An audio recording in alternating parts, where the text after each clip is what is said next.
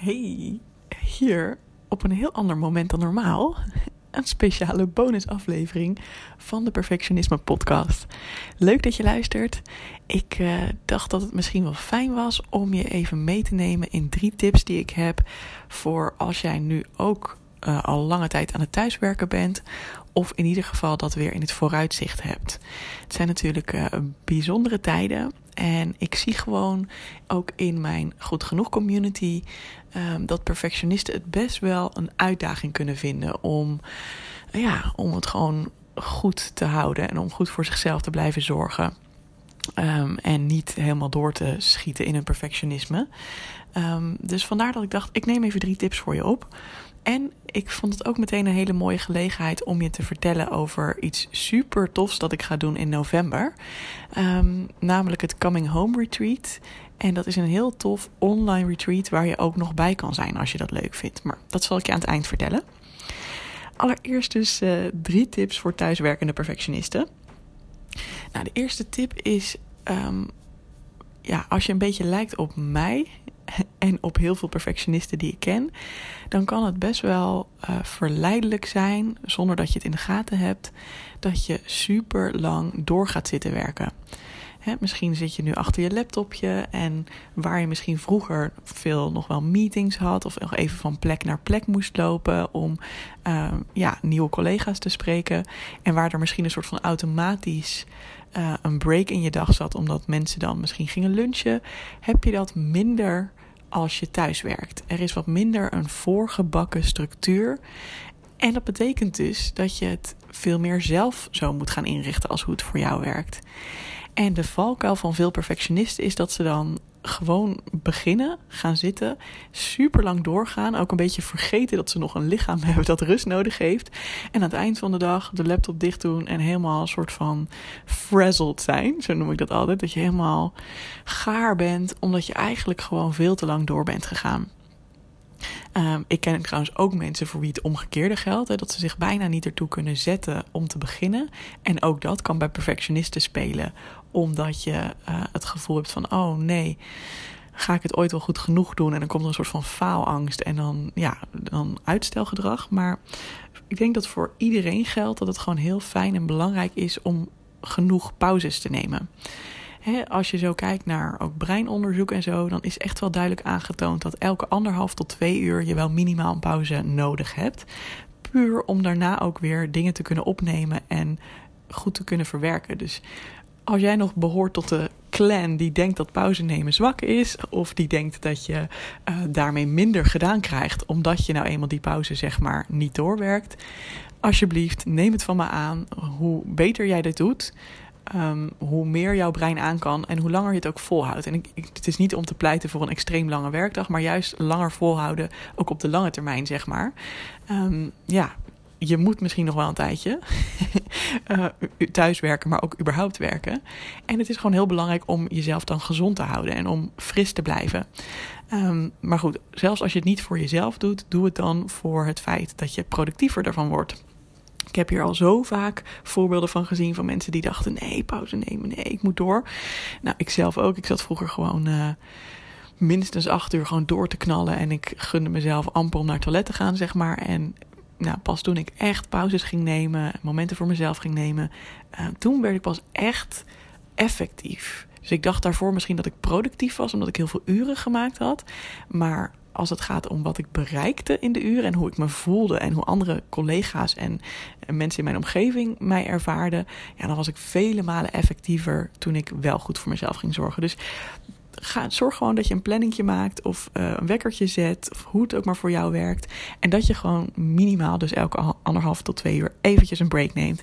En weet je, ga echt even opstaan, rondlopen. Ga af en toe misschien even lekker wandelen, uh, als dat kan. Uh, en dan heb je ook weer even een hele andere input. En dat is gewoon super gezond voor je brein. Alright, hij is wel duidelijk, denk ik. De tweede tip is: zorg ervoor dat je niet in de valkuil trapt van dat je alles 100% perfect wil maken en doen. En weet je, dit, is, dit geldt misschien ook al voor jou als je niet thuis werkt. Um, maar wat ik gewoon heel veel zie gebeuren bij perfectionisten en waar ik zelf ook heel erg tegenaan liep, was dat um, we kunnen vaak het gevoel hebben van: oké, stel je bent aan een project aan het werk of een bepaalde taak. En een deel daarvan is dat jij iets moet maken: een voorstel, een plan, een, nou ja, noem het maar op. Um, vaak kunnen perfectionisten dan de neiging hebben om dat tot in den treuren af te gaan maken. Dat ze denken: ik moet mijn stukje van dit geheel, dat moet al ongeveer 200% goed zijn voordat ik het ook maar naar een ander toestuur. En dat kost super veel tijd. Je gaat dus dingen herchecken en um, uh, ja, nog een keer doorlezen. Uh, misschien inderdaad ook komt hier wel weer uitstelgedrag kijken. Dat je denkt: oh man, ik durf er niet aan te beginnen, want dat moet zo goed zijn. En dat je uiteindelijk tegen een strakke deadline aan zit. Nou, dit kun je allemaal hebben als je gewoon um, met mensen samenwerkt. Maar wat ik heb gemerkt is dat soms het nog wel helpt als je een soort van collega's om je heen hebt. Dat je nog heel even kan, kan zeggen: joh, wil je even meekijken? Of dat je het gewoon alleen al uitspreekt, omdat je elkaar natuurlijker tegenkomt als je op kantoor samenwerkt. Dat je alleen al uitspreekt van: oh jeetje, ik zit hier een beetje mee te worstelen. En dat iemand dan gewoon een beetje je kan helpen om te relativeren. Nou, het is gewoon wanneer je thuis werkt, is dat er wat minder. Er zijn wat minder van dat soort natuurlijke checkmomentjes. Wat, wat minder natuurlijke momentjes dat jouw collega's je kunnen helpen relativeren. Dus zul je dit veel meer zelf moeten gaan inbouwen in jouw proces. Nou, hoe doe ik dat zelf concreet? Op het moment dat er iets is wat ik moet maken, um, en bijvoorbeeld, ik heb een opdrachtgever die dan iets van mij verwacht, of een collega of mijn leidinggevende. Um, ik zeg nu trouwens, ik doe dit zo, maar dit is natuurlijk uit mijn loondiensttijd, hè, dat begrijp je. Uh, inmiddels bepaal ik lekker alles zelf. Bevalt ook erg goed. Misschien is dat tip nummer 3a of zo, een extra tip. Begin gewoon lekker voor jezelf. maar goed, dat, kan ook wel weer spannend zijn natuurlijk. Uh, maar kan het je wel aanraden. Oké, terug. Terug Evelien. Even niet je enthousiasme voor ondernemerschap hier doorheen laten sijpelen. Um, ja.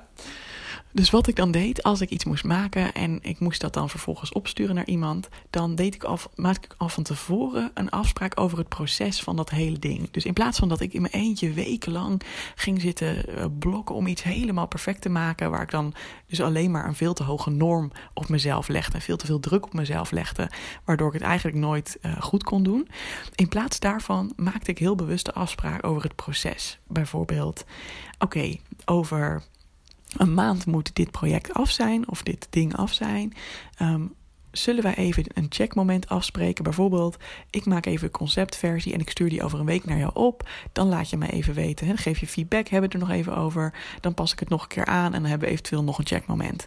Weet je, dat is dat je echt al in de tijd gaat wegzetten. Wanneer lever ik iets bij jou aan? En ook dat je al de afspraak maakt dat je dus een conceptversie maakt. En dat woord doet heel veel, want dan hoef jij het dus niet helemaal tot in de puntjes perfect te doen. Die ander weet ook gewoon, ja, jij, jij komt gewoon met jouw eerste gedachte, met een eerste opzetje. En ik mag daar nog invloed op uitoefenen. En het grappige is, je denkt misschien dat mensen het fijn vinden als jij met een perfecte versie aankomt. Maar heel veel mensen vinden het juist ook fijn om nog hun input te kunnen geven. En dus eigenlijk ontneem je ze die kans als jij het idee hebt van ik moet het al perfect doen in één keer. Um, plus het is ook nog eens een keer zo zelfs als je denkt van nou ik ga het nu helemaal perfect doen, dan nog uh, doe je het niet voor niks vaak samen met iemand. Hè? Of heb je niet voor niks een opdrachtgever of een leidinggevende. Um, die heeft gewoon iets in zijn of haar hoofd.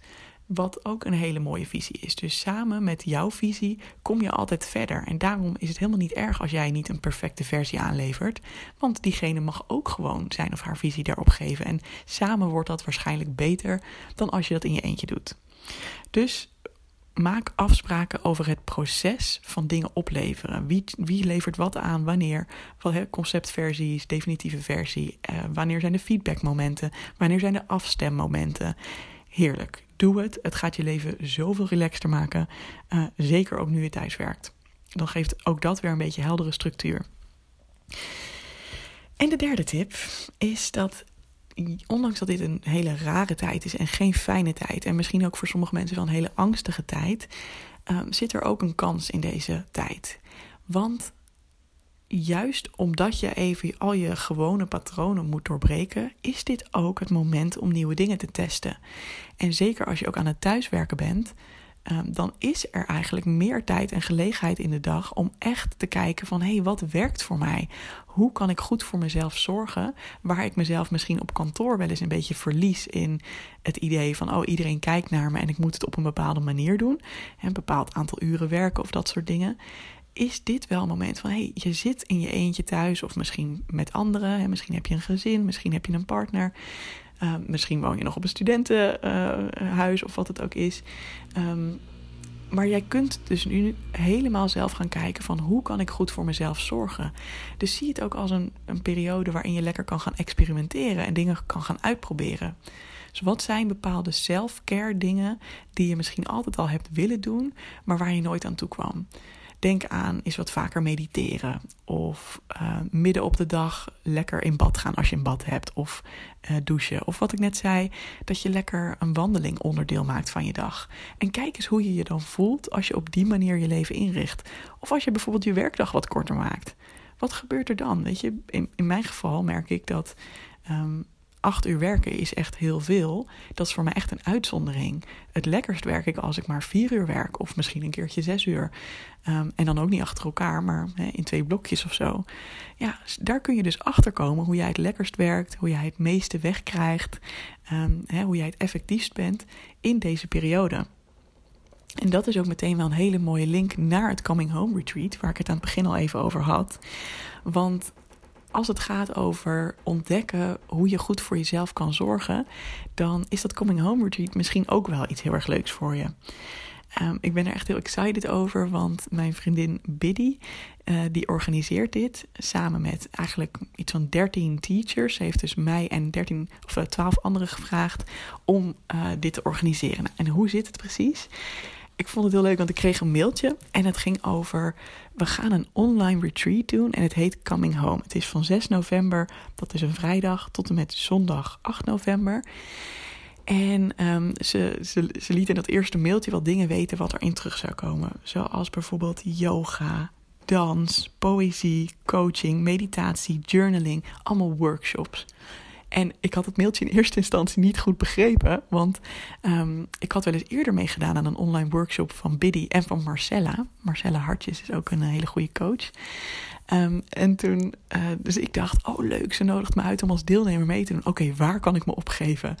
Want die workshop was ook zo fijn en gewoon zo vol zorg en aandacht. Misschien ken je Biddy ook wel, want zij is diegene die die heerlijke restorative yoga heeft ingesproken voor mij.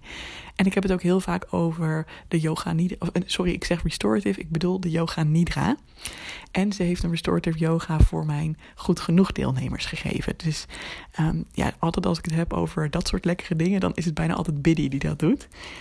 En um, toen ik dat mailtje dus nog eens goed las, dacht ik: Oh, wacht, ze vraagt me helemaal niet als deelnemer. Ze vraagt of ik een workshop wil geven. Oh, wat vet, wat super vet. Het is trouwens in het Engels, dat is goed om te weten. Biddy heeft een heel internationaal publiek, dus uh, mensen van over de hele wereld geven de lessen en ook nemen ook deel. En dat maakt het eigenlijk nog wel extra bijzonder, vind ik. Want hoe cool als je samen bent, een weekend lang vanuit je eigen huis, online. Um, en dat je allemaal mooie classes gaat volgen en ja, kunt connecten als je dat wil. Het gaat natuurlijk heel erg over gewoon lekker doen wat voor jou goed voelt. En ja, er is echt een soort van magische sfeer altijd bij de dingen die Biddy organiseert. Dat is echt uh, ja, heel erg bijzonder. Gewoon ook als ik bijvoorbeeld een lesje van haar volg of um, een yoga nidra luister. Zodra zij begint te praten in het Engels, dan ben ik helemaal, zo, helemaal zen meteen. dus misschien is dit voor jou ook gewoon best wel een challenging tijd, een uitdagende tijd. En als je dat hebt, dan vind je het misschien gewoon wel heel erg lekker om een weekend lang helemaal voor jezelf te nemen. Uh, allerlei toffe dingen te leren en mee te maken en te ervaren. Waaruit je ook daarna kunt gaan cherrypicken, zeg maar. Ik ga er helemaal Engels van praten. Wat voor jou goed werkt en wat jij fijn vindt en welke rituelen je vol wil houden, zeg maar. Uh, en ik geef daar dus ook een uh, workshop in. En dat zal zijn uh, Letting Go of Perfectionism in Five Steps. Dus dat is op de zondagochtend. Um, het is echt één pakket trouwens. Dus als mensen denken, oh ik wil misschien wel alleen dat van jou of alleen een andere les doen, dat, dat kan niet. Het is echt één pakketje. En het is maar 99 euro. Wat ik eigenlijk best wel mee vind vallen voor dat je dus 13 lessen krijgt. Je kan ze twee weken terugkijken. en ook gewoon hoeveel liefde en tijd en aandacht Biddy daar nu al in stopt. En ja, ik zie gewoon wat het aan het worden is. Dat, uh, ja, dat is echt heerlijk. Maar goed, kijk maar of het iets is voor jou. Oh, ik had me voorgenomen om dan nu de site te noemen. Nou, sowieso als je googelt op Yoga Vayu Coming Home, dan vind je het sowieso. Um, volgens mij is het ook chwellnessretreat.com. Volgens mij is dat de officiële site. Maar Yoga Vayu, dat schrijf je dus gewoon yoga en dan V-A-Y-U. Dat is zeg maar Biddy's uh, site. En daarop vind je dus ook de Coming Home Retreat. Dus daar kun je ook je kaartje kopen. Laat even weten of je erbij bent, want dat vind ik echt super gezellig. Um, ik ga helemaal klaar zitten, lekker met dekentjes en kaarsjes. En uh, ik heb er helemaal zin in. uh, lekker kopje thee erbij en gewoon, ja, heerlijk een weekend lang. Het is trouwens niet zo volgens mij dat je echt. Uh, het begint zeg maar vrijdagavond om 7 uur. Dan is de eerste les of de eerste klas. En volgens mij is het niet zo dat je bijvoorbeeld de hele zaterdag bezig bent of de hele zondag. Maar zijn er gewoon uh, ja, in totaal dus 13 uh, plus lessen. Waar dan ook af en toe misschien even een break tussen zit of zo. Maar uh, dat gedeelte heb ik nog niet helemaal goed in de smiezen. Dus dat, dat weet ik niet precies. Maar op de site vind je daar meer informatie over. En je kunt ook altijd Biddy even mailen als je nog vragen hebt. Hey, zou ik super leuk vinden om je daar te vinden. En ook als je niet hier aan mee gaat doen, ben ik wel benieuwd. Heb je iets gehad aan deze podcast? Vond je het fijn om even wat tips te krijgen? Uh, hoe gaat het thuiswerken bij jou? Let me know, dat vind ik hartstikke leuk. Hele fijne dag en wie weet tot ziens. Doei doei!